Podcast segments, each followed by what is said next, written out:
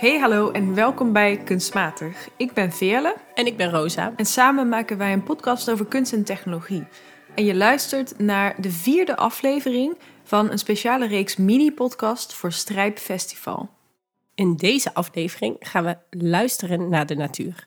En we gaan dat doen met het werk Erratic Weather van digitaal kunstenaar Mautik en cellist en componist Maarten Vos. In Erratic Weather, zoals de titel al een beetje doet vermoeden, hè, onvoorspelbaar weer, kom je terecht in een wervelwind van beeld en geluid waar je helemaal in opgaat.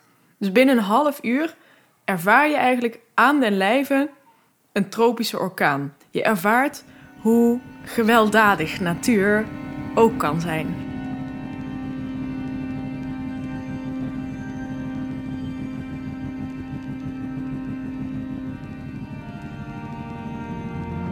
Zijn natuurlijk heel veel discussies gaande voortdurend over het klimaat, over klimaatverandering. En sommige mensen mogen daar dan wel sceptisch over zijn, maar klimaatverandering is een realiteit en de opwarming van de aarde heeft meer gevolgen dan we soms denken en dat we soms kunnen waarnemen. Denk daarbij aan aardbevingen, bosbranden, maar ook overstromingen die in het nieuws voortdurend aanwezig zijn. En soms is dat dichter bij huis dan je denkt of je hoopt. Denk bijvoorbeeld aan de overstromingen in Limburg, waarbij heel Valkenburg onder water stond en mensen hun hele interieur weg moesten gooien. Maar je kunt ook denken aan die steeds vaker zonovergoten zomers waar we mee te maken hebben. Ik weet niet hoe jou, met jou zat, Veerle, maar ik eh, brandde afgelopen zomer mijn appartement Ja. uit. Het was echt niet te doen. Uit paniek ben ik op een gegeven moment maar gewoon het water hier in de buurt ingesprongen om een beetje af te koelen voordat ik aan mijn werk kon gaan.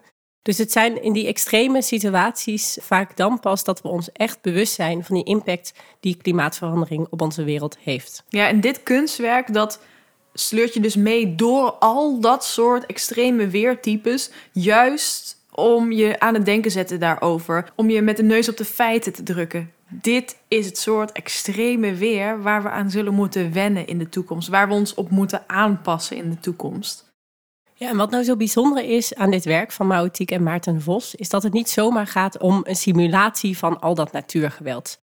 Wat er aan de hand is, is dat het werk zich baseert op echte bestaande datasets over weersomstandigheden. Het maakt real-time gebruik van een online database waarin informatie over de huidige veranderende weersomstandigheden is opgenomen. En op basis daarvan wordt dit visueel en klinkend spektakel gegenereerd. En met name in de context van klimaatverandering, van dat thema, dat hele complexe thema, is dit bijzonder. Dat een kunstwerk zoals dit gebruik maakt van daadwerkelijk van datasets die echt uit de meteorologie komen. Dat is bijzonder omdat normaal gesproken zien we die datasets ook wel, maar dan in de vorm van grafiekjes, plaatjes in de krant, stukken die erover geschreven zijn. En ik weet niet hoe het met jou zit, maar dat zijn beelden die ik misschien wel interessant vind en tot me neem, maar die me niet raken, die, niet op die me niet doen ervaren hoe erg het is en hoe heftig het is wat daar staat. Ja, en dit werkt door juist gebruik te maken van geluid. ehm, door je helemaal te laten opgaan in die weersomstandigheden, in die veranderingen daarin. Zorgt het ervoor dat je je op een andere manier dat niet alleen kunt begrijpen en kunt snappen, maar ook vooral kunt gaan voelen. Wat dat betreft gaat het werk enerzijds over het ervaren van iets abstracts en iets wetenschappelijks als een klimaatcrisis. En dat op een menselijke, naar de menselijke maat brengen, je daar bewust van worden.